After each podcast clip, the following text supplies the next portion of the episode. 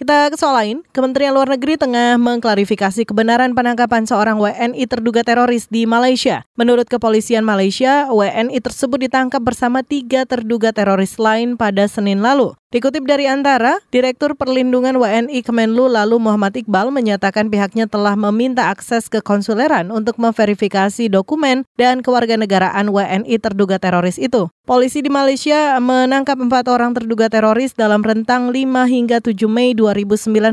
Empat orang itu terdiri dari satu warga Indonesia, dua warga Malaysia, dan dua orang etnis Rohingya. Inspektur Polisi Malaysia Abdul Hamid Bador menyatakan keempatnya telah mengaku sebagai anggota ISIS. Mereka siap melakukan aksi pada pekan pertama Ramadan sebagai pembalasan atas kematian seorang pemadam kebakaran bernama Muhammad Adib. Adib tewas Desember tahun lalu saat kerusuhan terkait relokasi kuil di Selangor. Para terduga teroris juga merencanakan serangan ke tempat-tempat ibadah umat Kristen, Hindu, dan Buddha serta pusat-pusat hiburan di Lembah Klang.